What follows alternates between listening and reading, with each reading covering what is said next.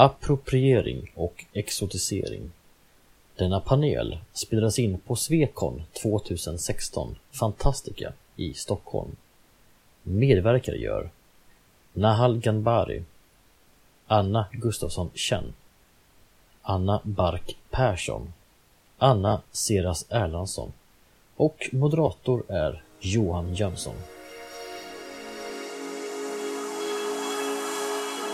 Svekon-poddar. En poddradio från svenska science fiction och fantasykongresser.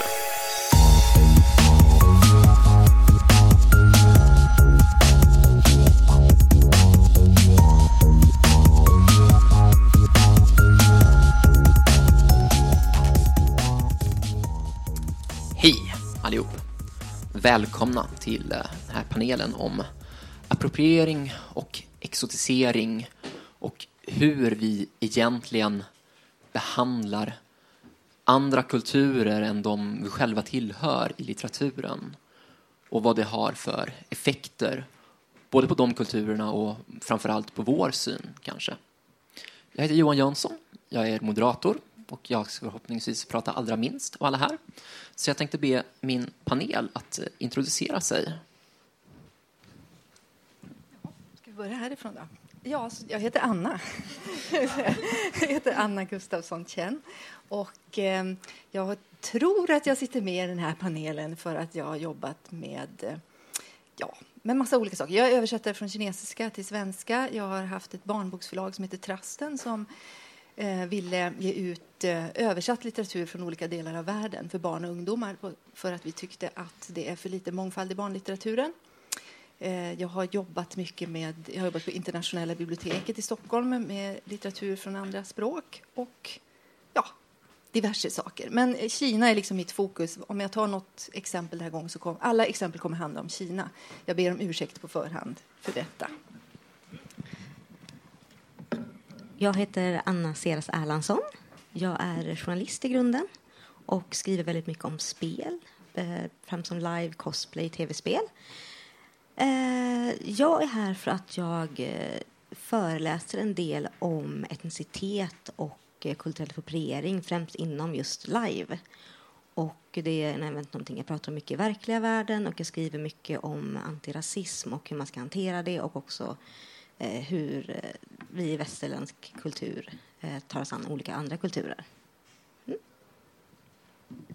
Jag heter också Anna, Anna Mark Persson.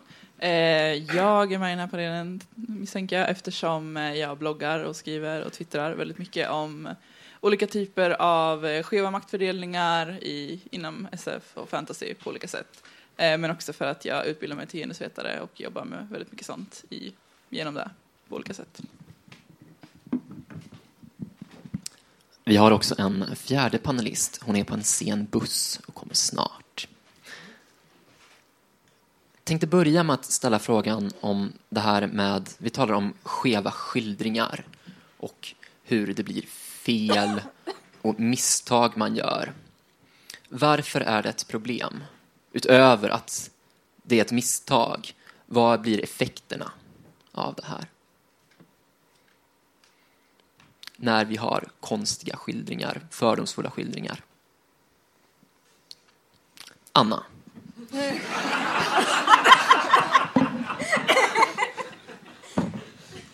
Ja, eh, effekterna som jag ser är ju främst att när det blir fördomsfulla skildringar eh, så bidrar det till att man har en väldigt skev bild av en kultur. För ofta när man skriver om en kultur i fantasy och sci-fi så lånar man ju från en redan existerande kultur som finns i den verkliga världen.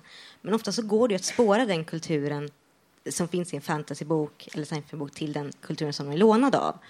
Och problemet jag ser är att man tar ofta de, eh, de mest vad ska man säga, klassiska delarna av en kultur som ofta är de samtidigt mest negativa delarna vilket bidrar till att det blir en väldigt skev bild eh, fantasykulturen blir väldigt skev och vriden bild av en verklig kultur vilket bidrar till att sprida mycket stereotyper och fördomsfullhet. Så skulle väl jag säga. Vad tycker ni? Ja, alltså jag tänker att det också sker en, en avhumanisering eh, på grund av att alltså så här, om man pratar om, om normer så är det så här, den normmänniskan är en så här, vit heterosexuell man, lalala, alla kan det där. Men jag tänker att det blir en väldigt så här, um, en väldig kontrast mellan vad som blir liksom centrum och vad som blir marginalen när någonting alltid skildras som det liksom normala och någonting alltid blir det andra som presenteras väldigt, väldigt fördomsfullt, väldigt stereotypt och då blir det också att det är svårare att förstå det som mänskligt, liksom, både inom science fiction och fantasy men också i, i verkligheten. Så det har liksom, eh, Eh, effekter som sträcker sig utanför eh, bara problematik inom, inom genren. Liksom. Jag tänker att stereotyper av olika slag är ju alltid på något sätt begränsande. Man begränsar alltid en människa genom att eh, klistra stereotyp på dem. Eh, och det gäller ju även för stereotyper som är som vi skulle kalla positiva stereotyper. Att man säger att till exempel asiater är bra på matematik och då har man en förutfattad bild om detta och så har man det som ett outtalat krav och den som inte passar in i denna den här norm eller passar in i stereotypen eh, anses då vara lite konstig även om han eller hon är helt normal. Eh, och eh, det kan vara bra att komma ihåg, för vi pratar så mycket om negativa stereotyper och det är klart att de är värst, men positiva stereotyper kan vara eh, lika begränsande också. Alla stereotyper eh, gör att man inte får vara sin, man får inte vara den man är till sin fulla potential kan man väl säga. Välkommen Nahal. Jag ber om ursäkt. Vi har precis hunnit eh, presentera oss själva och eh, säga några korta ord om vad som egentligen är problemet med eh, ja, skeva skildringar, stereotyper, appropriering av andra kulturer utan att riktigt förstå vad det är man gör. Um, skulle du kort vilja presentera dig själv och kanske också berätta vad är det som, som vilka problem är det som uppstår egentligen? Problemmässigt så tänker jag att de flesta kanske redan har sagt det redan och så blir det lite dumt om jag upprepar mig nu när jag är sen. Men jag heter Nahal Ramberg eh, och har väl tänkt en del på de här approprieringsproblemen, kanske ur ett väldigt personligt plan när jag har läst fantasyböcker för att jag tror att jag växte upp väldigt mycket som alla andra här som läste fantasy i tidig ålder med ett väldigt eh, vitt perspektiv historiemässigt i fantasyn utan den är väldigt baserad på en europeisk bakgrund och det kanske andra har tagit upp också. Så, men att jag, jag tror mitt första möte med en fantasybok som jag kände var uppenbart inspirerad av av vad jag skulle säga eh, eh mer eh, österländsk berättartradition var Diana Wynne Jones Castle in the Air, uppföljaren till Howl's Moving Castle, som är väldigt inspirerad av Tusen och en natt. Och jag var väldigt ung, så jag tyckte att var, jag har inte läst den på så många år, så jag vet inte vad jag skulle tycka om den nu. Men jag tyckte att den var jätterolig. Den påminner mig om väldigt mycket saker som jag också växt upp lite med, de barnsagor som jag hade växt upp med eftersom mina föräldrar är från Iran. Och jag har tänkt på det väldigt mycket, att det är en våg som kommer nu på senare år. Att det är väldigt, eh, det är en väldig ökning i, eh, i fantasyböcker, fortfarande som så mycket annat skrivna av främst engelskspråkiga författare från England och från USA och kanske Kanada till och med, men främst anglosaxiska författare liksom, i bakgrunden som är inspirerade av just Tusen och en natt, kanske också japansk eh, tradition och kultur. Och, eh, att jag känner att det har varit en väldigt konstig balansgång att hitta de som man kanske har använt det som de väldigt respektfullt återgett och inspirerats av och de som kanske tagit det som de tyckte var lite häftigt utan att förstå riktigt varför man skulle ha med det i originalberättelsen. Och det kan jag tycka är väldigt problematiskt, att man, man på sätt och vis plockar ett mischmasch av saker som man tycker var, var intressant ur in, inte så att bara, kanske man är lite okunnig kanske om bakgrunden, men man vill väl oftast. Men man har inte kanske gjort rätt research eller tyckt att det varit så viktigt vilken bakgrund den har kommit ifrån för att den passar in i ens egen berättelse. Och jag kan tycka att det är ett problem, för att då respekterar man inte alltid den bakgrunden och man har inte förståelse för det man själv skapar heller. Och då är det väldigt lätt att man faller in i just de här stereotyperna. Så det är lite därför jag ville vara med i den här panelen. Jag tycker det är så roligt att du nämner den boken, för jag, jag har den i väskan. och jag läste den på vägen upp. Och, eh, för jag, det var den första fantasyböcker jag också läste där jag tyckte att åh, här är det inte ett helt vitt perspektiv. Så jag läste om den nu för några dagar sedan och tog med den upp för att jag insåg att där är huvudpersonen från en så här, ja vad säger man, det är ju väldigt tusen natt-inspirerat, fattig matthandlare som hittar en flygande matta och en genie. Det, det är väldigt mycket Aladdin över det hela. Den här klassiska orientberättelsen. Liksom, Ja, men man precis. inte talar om orienten på det sättet längre. Men det är väldigt kärleksfullt liksom, på sätt och vis ändå. Oj, förlåt. Ja, men precis. Och det jag tänkte nu när jag läste om den var att där är liksom, han är huvudpersonen och han framställs jätte, jättebra. Och det var det jag mindes av den. Men det som jag insåg när jag läste om den var att kulturen han kommer ifrån, ju längre in i boken man kommer, desto sämre framställs hans kultur i jämförelse med den här ja, den vanliga kulturen i hennes böcker som är liksom, ja, vad säger man, någon slags engelsk fantasy-inspirerad.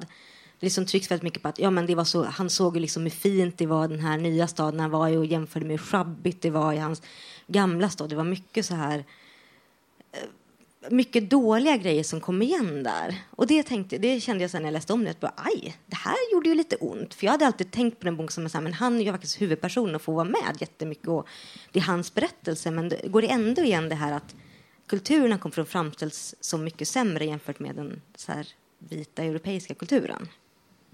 Och han flyttar ju sen till det här landet han hamnade i, för det var mycket bättre. Han, så det, nu måste man ge om han och eh, hans fru flyttar, för det var mycket bättre där de hamnade. Sen att det landet de hamnade i var i krig också, och att folk inte hade det så jättebra. Det var liksom inte ett problem jämfört med att det var lite fattigt i hans stad, utan han föredrog det fortfarande för att det var mycket grönområden. Liksom. Alltså, det är i princip det.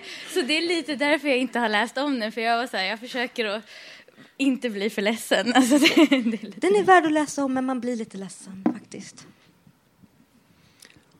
Är det här ett typiskt exempel på de problem som uppstår? Eller vad är det för problem vi ser? Om vi ska ta exempel och definiera eller konkretisera det hela. Ja, jag, kan inte ha något, jag kan inte ta så mycket exempel kanske från fantasy eller science fiction, men jag har ett något sånt här eh, Eh, långvarigt projekt som aldrig blir färdigt om att skriva om eh, hur man skildrar kineser i barnböcker på svenska under 1900-talet och hur den bilden har förändrats. Så jag har läst ganska mycket barnböcker som utspelar sig i Kina. Och där så kan man ju se en väldigt tydlig sak är ju vem, alltså vem som får agera i en berättelse. Ibland kan man ju ha en huvudperson som kommer från Kina då, eller en kinesisk pojke. Och ofta är det ju två då i så fall, ett västerländskt barn som liksom kompenserar upp. Men även när man har en, en huvudperson som kommer från Kina så är det nästan alltid västerlänningarna som agerar. Den typen av saker kan vara lite mer subtila ibland. Du kan göra en jättefin skildring av en annan kultur och du kan ha med personer som är otroligt sympatiska men de är alltid bifigurer. De måste alltid räddas av, av den här vita personen som kommer in och liksom, det är han som kommer på lösningarna. Det är han som gör det. Eh, lite kanske som man skildrar eh, flickor i böcker också ofta tidigare, att de kunde få vara med och så var lite käcka, men, men de måste ändå räddas av pojkarna på slutet. Så. Så, och den typen av eh, bilder kan ju också vara sånt som undermedvetet biter sig fast. Jag tror att mycket av de här stereotyperna, mycket av det som är farligt med dem är ju att de verkar på ett undermedvetet plan. Att när man läser boken så tänker man inte så här, usch vilken dålig kultur det här var. Men någonstans i bakhuvudet har man den här bilden av den här passiva orientalen som inte gör någonting och alltid behöver hjälp. Och har man läst då 10, 20, 30 sådana böcker medan man växer upp så, så är det klart att någonstans i bakhuvudet så finns ju den där bilden kvar. Ehm. Så att sådana saker tycker jag man kan titta på när man läser eh, böcker oavsett vad det är för genre. Liksom, vem är det som agerar? Vem får tala? Vem tar initiativ? Ehm, ja, vem är det som driver berättelsen framåt och vem är passiv? Ehm, ja.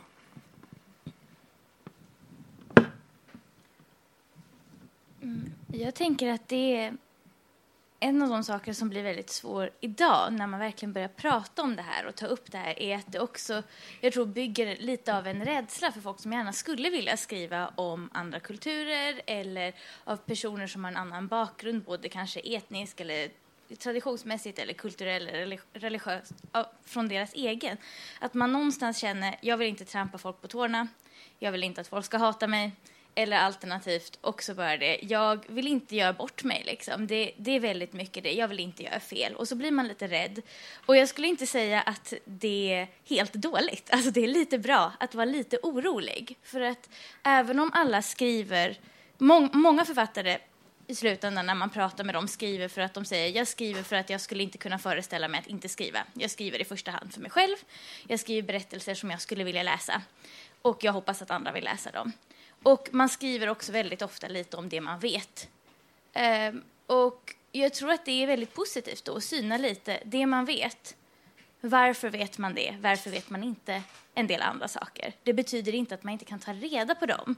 Det betyder inte att man kan diskutera med andra, ta reda på saker om andras kulturer, om andras traditioner. Och just det som är att de inte blir, problemet då, att de inte blir ett objekt. Att man inte tänker så det här är ett forskningsprojekt. För jag vill skriva om en svart protagonist, men jag har inga svarta vänner. Och då tänker man lite, kanske någonting du skulle tänka på privat, varför du inte har det. Men, men ändå, lite det att man tänker så här, hur gör jag det här? Vilken bakgrund har du? Den här personen som du skriver om ska vara en människa. Och det betyder inte att du i en bok kan berätta allt om den här människan. Men det måste fortfarande finnas saker som du tänker så här, om någon hade skrivit så här om mig hade jag tyckt att det var okej. Okay. Och många gånger så tycker man det, för man har ingen förståelse kanske för just de sakerna som gör andra lite ledsna. Men när jag har pratat med folk som kanske som jag är födda här men har en annan bakgrund, så har det verkligen etsat sig fast i minnet på dem första gången de upplevt någon typ av populärkultur där folk har sett ut som de själva. Det är verkligen steget i barnböckerna. Det är det. Jag kommer ihåg den första Disney-filmen, alltså Aladdin är fortfarande en av mina favorit-Disney-filmer. Det spelar ingen roll att Aladdin är baserad på Tom Cruise. Alltså verkligen, det var en kraftig besvikelse för mig när jag upptäckte det. Jag var genuint ledsen. Och att allting var så här jätteexotiserat, att hon bara suttit 16 år i ett rum med en tiger. Liksom. Det var allt det där spelade ingen roll, för det var en fantasyberättelse där någon såg ut som jag, där hon fick välja själv, där hon fick vara en person, där han också överkom, precis som alla de andra killarna som skulle bli kung i något rike och kom från ingenting. Alltså hade den här väldigt typiska fantasyhistorien. Man går från ingenting, man räddar någon, man gör, någon, man gör några val, man har några sidekicks man blir hjälten. Liksom, jag kommer ihåg den fortfarande och det finns problem med den berättelsen.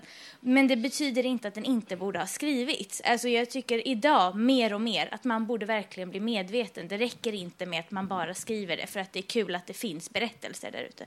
Men man ska inte låta det hämma möjligheten till att det faktiskt kommer ut en berättelse. Det betyder inte att någon som är kristen aldrig kan skriva en bok om muslimer. Det betyder inte att jag som har bakgrund från Iran aldrig kommer kunna skriva en berättelse om någon som är från Nigeria. Alltså det behöver fortfarande finnas de här berättelserna. Vi blir en allt mer globaliserad värld på det sättet. Vi lär känna folk, men vi måste tänka efter. Alltså det går inte att bara skriva något jag tyckte, jag tyckte att det här var kul. Det går inte längre på samma sätt och jag tycker att det är bra. För det är där problemet ligger, att man har skrivit saker väldigt länge för man tänkt jag skriver det här för det är det jag vet och jag skriver det för folk som jag. Men när man har skrivit det så har det väldigt oftast varit väldigt få personer som fått uttala sig och de har skrivit för folk som liknar dem väldigt mycket och världen ser inte ut så längre. Och det betyder någonting, det är positivt att det betyder något. Det är positivt att vi måste tänka efter lite mer när vi producerar någonting. Men eh, det, det är inte liksom, det ska inte vara en skräckupplevelse. Det är fortfarande otroligt positivt att se allt fler berättelser som vågar och med eftertanke vågar, med respekt vågar ge sig in i något som de kanske inte visste om tidigare, som de har forskat på, de har läst flera år om ja, folk som har bott i nomadkulturer, folk som har bott väldigt isolerat, hur mötet med en annan kultur har varit. Och det har inte alltid varit just det här att, att någon kom dit och blev bättre än dig på allting. Alltså det blir också så här, The Last Samurai, du kom dit, du är den sista samurajen, Tom Cruise. Du blev bättre än alla. Eller Avatar, typ Pocahontas i rymden.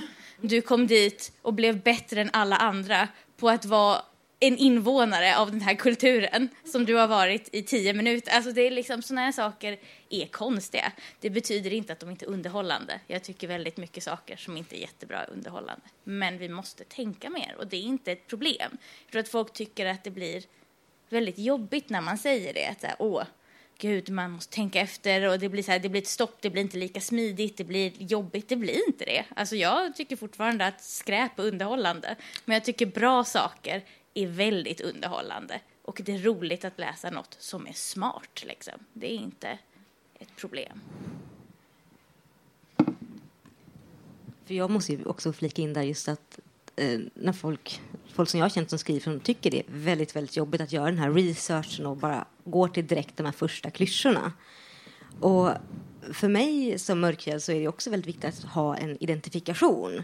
Och i min identifikation, precis som du säger, inte en klyscha, så blir det så mycket enklare för mig att så här, och om jag har en person som är mörkad i en fantasyberättelse som inte är en klyscha, som har en egen agenda, som är ett subjekt som gör saker då blir det mycket lättare att sedan titta på andra grejer lite kritiskt och se fast de här grejerna, precis som du säger, liksom, de kan vara skräp, de är undrande, men om de hade tänkt lite mer, pratat med några fler så hade det blivit jätte, jätte, jättebra.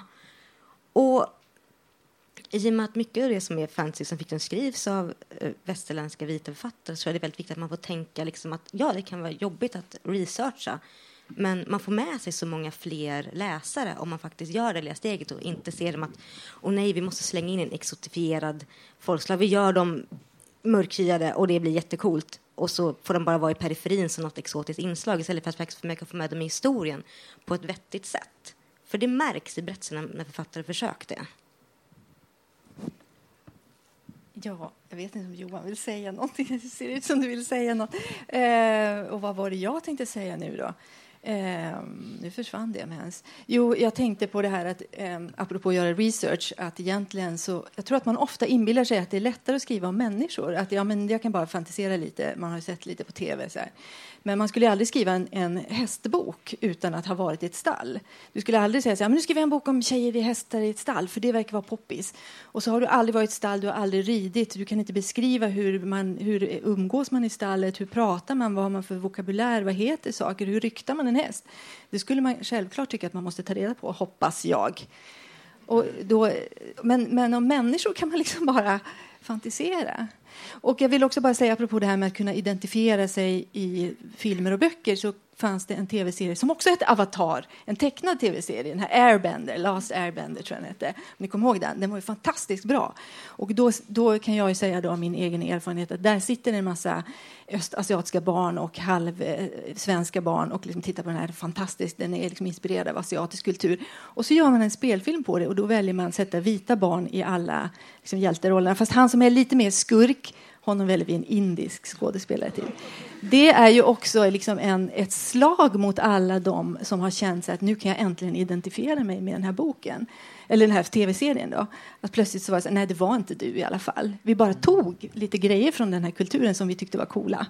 Men eh, det, ja, vi struntade i det. Och de som gjorde den tecknade serien hade gjort det med väldigt respektfullt använt de här eh, olika kulturella inslagen för olika kulturer, både eh, inuitkulturer och östasiatisk kultur. Och sen när man gör en spelfilm så är det ah, men vi skiter i det där nu. Nu gör vi så här, för det här är Hollywood. Det, det blir väldigt eh, hårt för dem som har äntligen känt att nu äntligen kom det någonting för mig. Vi har pratat väldigt mycket om det här med eh, olika exempel på um, den eh, västerländska eh, kulturen jämfört med andra kulturer. Eh, Diana Wayne Jones till exempel, där man kan jämföra.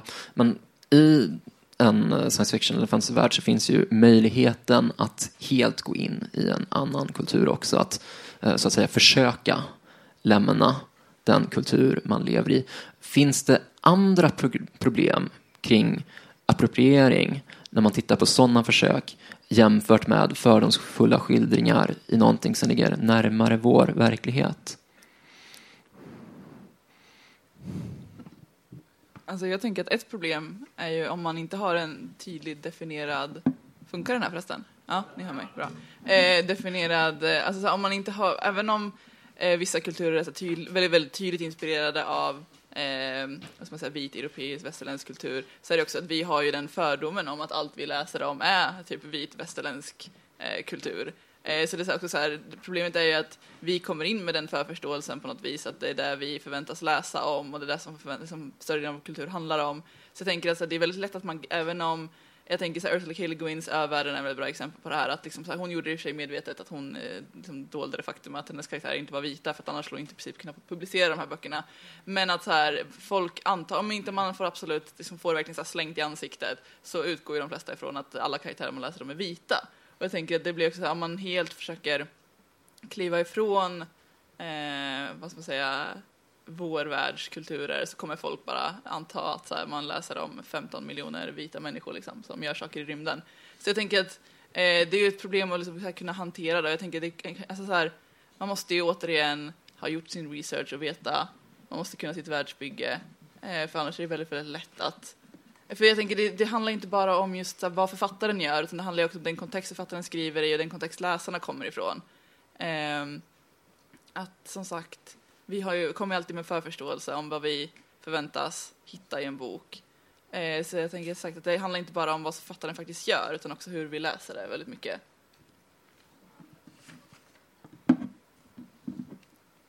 Jag tänker också att det handlar om att, eh, att man nöjer sig med väldigt lite. För att man är lite Alltså antingen så tänker man inte på det så mycket eh, för att det har liksom inte riktigt stuckit en i ögonen innan och det kan vara lite för att man inte haft samma problem som jag kanske haft eller Anna haft. Att man, inte, att man ofta när man växte upp såg karaktärer eller läste om karaktärer som man kände igen sig i och därför är det svårare att tänka det här hoppet. Att hur är det när man läser saker där det aldrig ser ut det finns aldrig någon som påminner om en, för man är van vid att det finns. Eh, och därför känner man inte riktigt igen sig i den här känslan av att vara lite svältfödd, att man accepterar väldigt lite. Och att det finns på många ställen, jag känner folk som um, tittar på serier som är riktigt dåliga tv-serier för att det finns en HBT, en, en queer person liksom, som man tyckte det här var roligt, att det fanns någon liksom, överhuvudtaget. Resten av serien är kass liksom. Men, men man står ut. Och att sådana, så att vi, vi nöjer oss med ganska lite. Jag var i en Eh, ja, men jag tror att för, förra året, en av förra årets Svekon hedersgäster, eh, mm, Aronovich, hade skrivit de här Rivers of London-böckerna som är en police procedure fantasy, urban fantasy. Det är en poliskonstapel som möter gudar i, i, i London. Och han är en karaktär som har en svart mor och en vit far. Och eh, de har pratat om att göra den här serien till en tv-serie i flera år och den lyfter inte för att produktionsbolaget kan inte riktigt acceptera att huvudrollen inte ska vara vit. Fastän han tycker att det är en uppenbar viktig del av boken för det påverkar hans bakgrund väldigt mycket. Det påverkar dialogen, det påverkar kulturen som han lever i, det påverkar hans uppväxt liksom, och också hans bild av att vara polis i London. Liksom påverkas av det här. Och då hade han berättat i en av de här panelerna att han också hade haft fans som har sagt likadant. Typ, jag tycker att Matt Damon skulle vara jättebra för det här är en sån, det, det är en sån allmän berättelse så spelar det någon roll ifall karaktären inte är vit. Man bara, ja, fast det, det blir inte en allmän berättelse. Jag förstår på många sätt att man tycker det för att, för att man tänker den här berättelsen skulle, det skulle kunna vara vem som helst som är en polis i London som träffar gudar. Men det är inte samma sak för att det finns så få urban fantasy-böcker eh, som inte har vita protagonister och där inte de karaktärer som är icke-vita blir bikaraktärer som, som alltid måste räddas eller liknande. Och det, det är lite det där, det, det, dyker upp i massa olika saker. Det dyker upp i, i när det kommer till etnicitet, hudfärg, eh, sexuell läggning. Bara det här faktumet att här, vi hittar på en fantasyvärld. Alltså, då har vi Game of Thrones-problemet, verkligen, där folk säger saker som så här, ja, men det gör ingenting att alla de här kvinnorna behandlas som skit för att eh, Game of Thrones är baserat på någon typ av europeisk medeltid och kvinnor hade inte så mycket rättigheter. Fast du har skrivit in en mur som folk byggde för tusen år sedan, döda, döda lik typ, som kommer tillbaka och drakar. Men du kan inte föreställa dig en värld där kvinnor inte i alla länder behandlas som skit. Fastän deras kulturer är helt olika och deras språk är helt olika. Och många av dem har inte ens handel med varandra, så de träffas inte ens. men de har alla precis samma kvinnobild. Men typ Stark-familjen har vaktat muren i tusen år oförändrat. Alltså det är sånt där som man bara, till och med i en hittepåvärld så bygger ju vi den på det här. Och diskussionen är ju då problemet, eller diskussionen blir ju då, är vi så nöjda med det här att vi reproducerar det hela tiden för att vi tycker att det är fantastiskt ifall det bara dyker upp någon i bakgrunden som, som bryter mot det här. Typ att man tittar på ja, men Marvel superhjältefilmer och de har inte haft en enda porträtt av typ en, en vanlig amerikansk svart kvinna men det finns talande typ tvättbjörnar och trädfolk och en grön alien kvinna men det finns typ ingen asiat liksom. Jag tycker det är så, jag tycker, jag, du, har så många, du har så otroligt många pengar. Jag tycker det är intressant att vi skapar fantasyvärld, vi skapar sci-fi-världen men inte kan gå utanför de här ramarna. Men jag tror också det är väldigt bekvämt för när man skriver att luta sig tillbaka på att man kan plocka från existerande kulturer och göra dem exotifierande. För att det ger ju en krydda för att de man skriver för, om man tänker på publiken, det är ju ofta, ja, det är ju liksom, om en vit författare skriver för vita människor så vill man ju ha en exotisk krydda. Och det blir en annan kultur med de andra värderingar som man väljer att plocka lite grann, blir ju den kryddan. Så att jag funderar på om det är en enkel väg att gå. Det är därför det anses vara så, så här, ett så stort steg att ta. Även fast vi kan skriva världar där vi åker ut i rymden och det är postapokalyps och det är zombies och det är fan och hans moster och drakar överallt så är det svårt att komma ifrån att slänga in en, en asiat, en mörkhyad person blir jättesvårt på en huvudroll för att det tar bort den här exotiska kryddan som vi faktiskt har kvar. Men jag tänker att det det du sa om den här eh, boken med eh, mannen som hade en afrikansk mor och en brittisk far var det väl? Mm. Att man säger att men det, den var så allmän så det skulle kunna vara vem som helst. Och det är intressant att det, så tänker man ofta. Ja, men om den är allmän och det skulle kunna vara vem som helst, då kan det vara en vit. Då kun, om den är, kan, det kan vara vem som helst, kunde ju lika gärna varit en helt svart person från Nigeria till exempel eller någonstans. Det är inte så allmänt. Nej, då är det ju inte allmänt. Och det där, jag har stött på det också bland bekanta. Man diskuterar, man säger ja men varför du gör en, en så här romantisk komedi, två personer som träffas på dagis så blir de kära. Ja, varför skulle inte en av dem kunna komma från ja, vad ska vi säga, Syrien? Nej, men då blir det ju så konstruerat. Då har man lagt in det för att det ska vara PK. Ja, men gå till ett dagis. Det finns väl... Som, hur ser världen ut? Men då är det så att nej, det normala är att det ska vara... Ja. Och då gör man en romantisk komedi och så tar man, vad heter han nu, eh, eh, Ola Rapace och får spela same för att eh, Eh, för att det kan ju vara vem som helst. Han kan ju spela vem som helst. Så det, det är så här, ja, men, ja. Jag förstår inte. Varför, det är ju verkligen som du säger. Så här, den, den, normala, det är, är det vem som helst, då är det en vit. Vi har pratat väldigt mycket om, om det här med eh, minoriteter och, eller framförallt eh, maktbalanser. Eh, minoriteter i majoritetssamhällen. Eh, vi har pratat om eh, kvinnor och män lite för att det blir en, eh, finns en maktbalans där också. Är det här ett problem som enbart handlar om maktbalans eller finns det problem som kvarstår även om man tar bort den delen? Jag vet inte riktigt om vad du menar, om man tar bort den delen. Jag vet inte. Nej, men om, om vi tänker oss att det finns... Det, liksom. Om vi tänker oss två kulturer som är någorlunda vad ska man säga, jämnstarka. Det, det är ofta så att en kultur är mer dominerande än andra. Det är också beroende på var man är och så vidare. Um, men att handlar det bara om vem som är, har eh, det kulturella eller sociala eh, eller maktmässiga övertaget? Eller finns det problem med fördomar som lever in i det här oavsett? Alltså jag skulle säga att maktbalansen kommer alltid påverka. Alltså till och med alltså i, i alla situationer, till och med om du berättar om du berättar om dem som är i minoritet och du aldrig ens nämner majoriteten.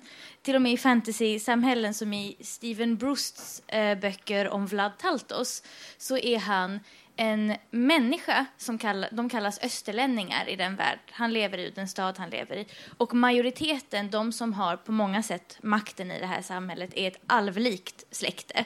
Och österlänningarna är människor. Och de bor i gettoliknande samhällen eller liksom långt ut i öster i deras hemländer. Men i, bland drage, eh, äh, dragerans, som är de här alvliknande folken, så bor de oftast i getton.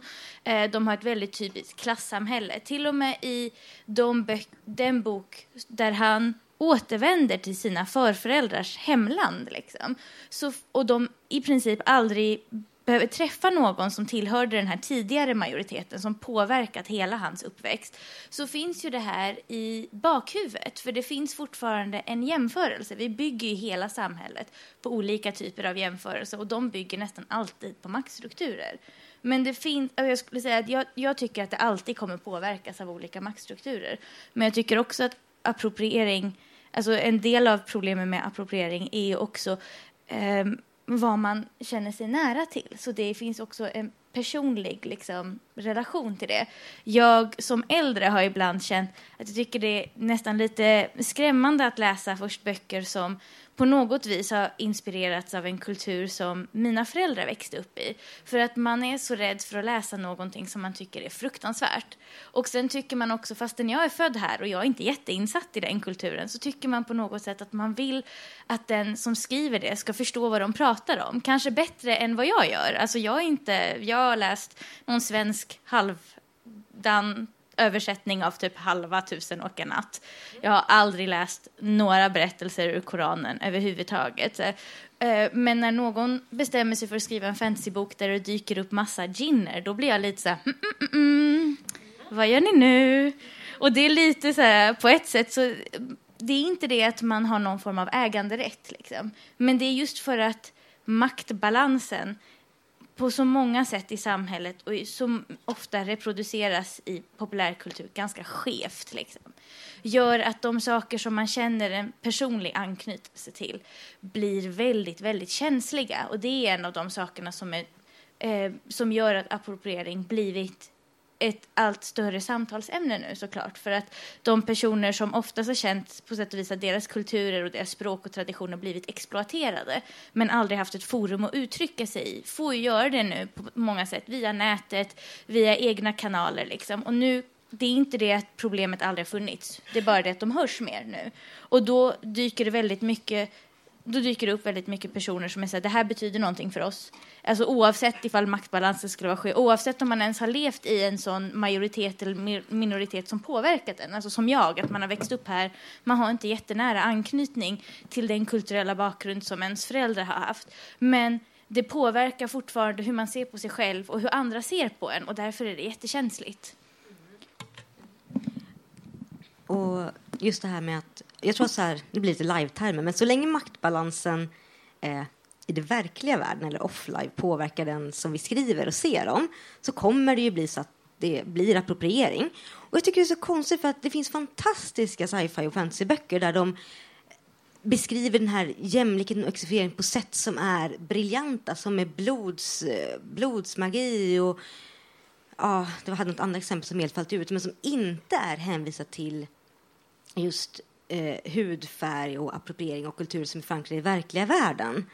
Så jag är ju, som jag varit inne på tidigare, jag tror att det är en slags, alltså det är en lätt väg att gå om man vill beskriva att någon annat har det, något annat folk har det jättejobbigt. Istället för att liksom ta och blanda in någonting som är coolt och som man kan uppfinna själv så går man en lite så enkel väg. Och det är för att maktbalansen idag i verkliga världen är så skev och för att man skriver för, man skriver för en vit publik.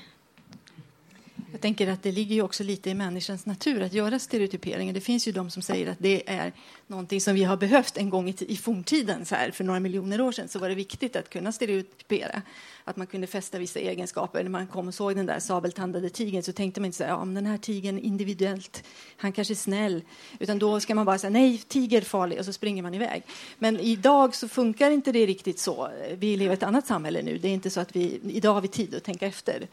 Eh, när vi träffar varandra. Men att vi eh, har ju en tendens att skapa grupper alltid, alltid i samhället. Det behöver inte vara maktbalans. Det kan vara liksom att i min lilla frimärkssamlarklubb så är vi, har vi en kultur och de där utanför är ju inte bra för att de samlar inte på frimärken. Eller i min kör. Och det, blir, det kan bli väldigt känsligt. Om jag ska ta ett personligt exempel så sjöng jag för många år sedan i en kör. Det var en kyrkokör i en katolsk kyrka.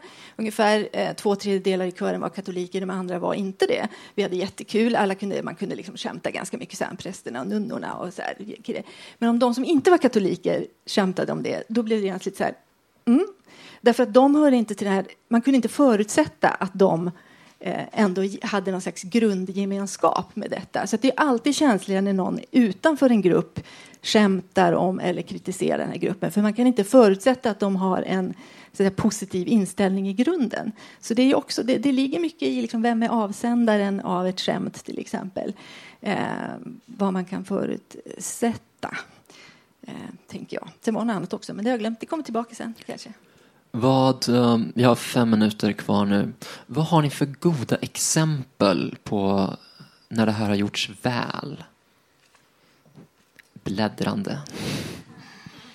Jag har inga goda exempel. Jo, det var den där, jo, det var den där avatarserien. Det enda, Jag kan komma på hundra dåliga exempel, men det är svårt att komma på bra. Fast jag, och de som är bra är ju ofta kanske att det är någon som har rötter i en viss kultur, som har skrivit böcker om det. Eh, jag läste alldeles nyss den här eh, Zen Cho, jag vet inte riktigt hur hon uttalas, Hon är malaysisk kines som har skrivit den här Sorcerer to the Crown. Den tyckte jag var jättekul. Blandar ju också liksom både brittiskt och ja, lite malaysiskt och den ska väl fortsätta. och Den är jättespännande.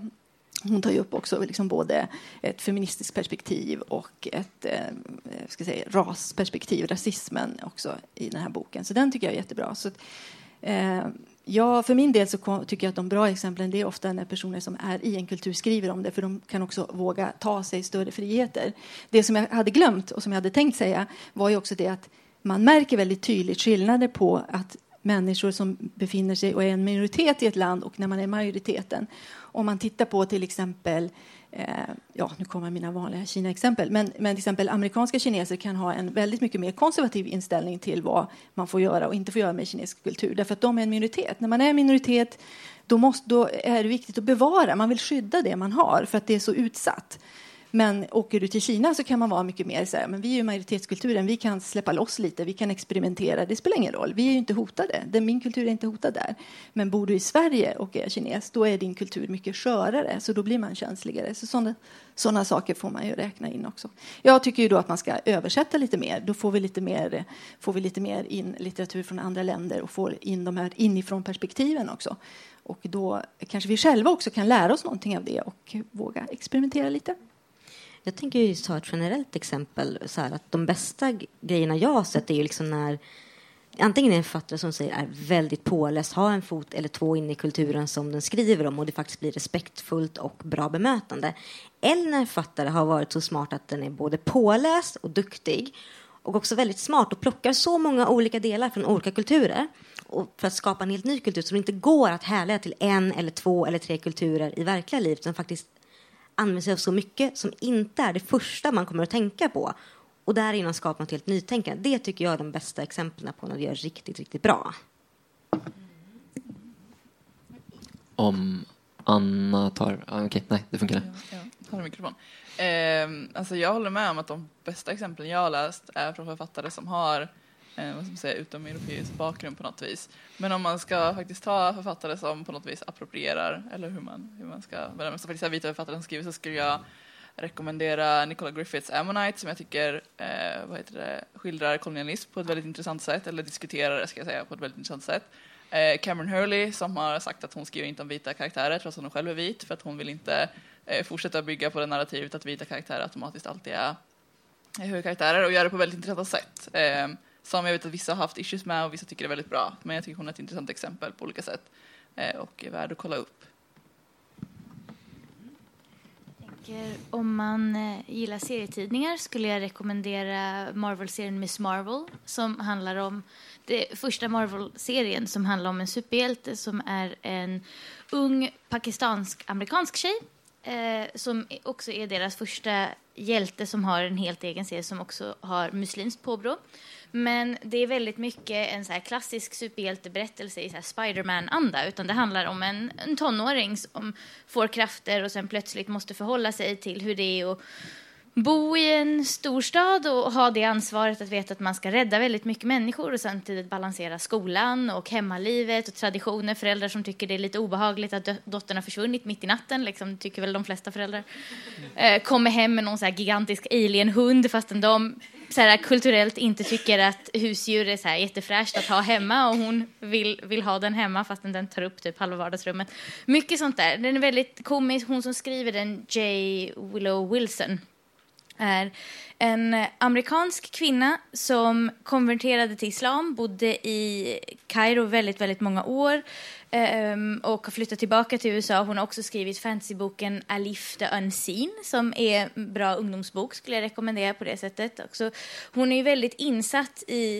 Alltså jag tänker det är också intressant så när man konverterar till en annan religion så är man oftast väldigt, väldigt mycket mer insatt i den än folk som är uppfödda i den. För man har liksom tagit saker ganska lite så här pö om pö, man kanske inte var så religiös i grunden, men konverterar man så måste man verkligen ha koll på, på vad det är man, man läser in sig i. Så att hon har ju långt mycket mer koll på vad jag skulle säga, eh, islamiska berättelser och berättelser ur Koranen, traditioner kring jinner och liknande, den okulta traditionen som finns i Koranen som de flesta riktiga muslimer skulle undvika för att om man är väldigt, väldigt, väldigt muslimsk troende så tror man väl att en typ av gin finns och det ska man inte, det blir inte som såna här mm, amerikanska häxfilmer där alla ungdomar bara vill resa demoner utan folk bara det är för hemskt, vi släpper inte in det i världen, det är jättehemskt. Um, så jag tycker att hon är ett bra exempel. Saladin Ahmed är en amerikansk um, arabisk författare, uh, född i Michigan um, som debuterade med Throne of the Crescent Moon. Uh, jag tycker det var en bra debut. Det fanns saker som jag skulle tycka var roliga om de var lite annorlunda. Liksom. Men det var en bra debutbok och är väldigt baserad på Tusen och en natt.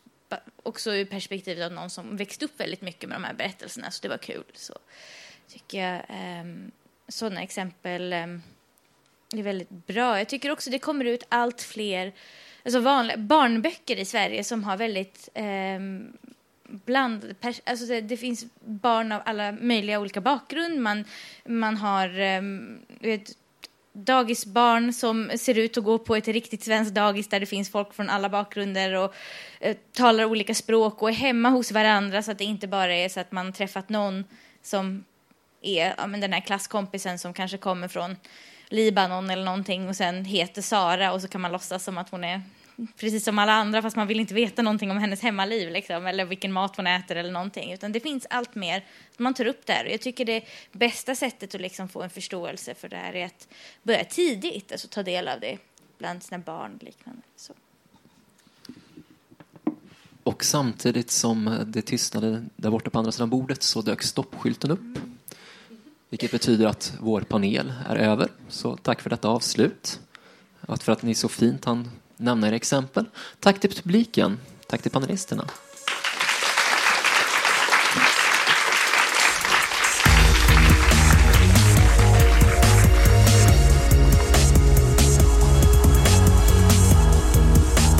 Musiken av Psychedelic Pedestrian från Free Music Archive.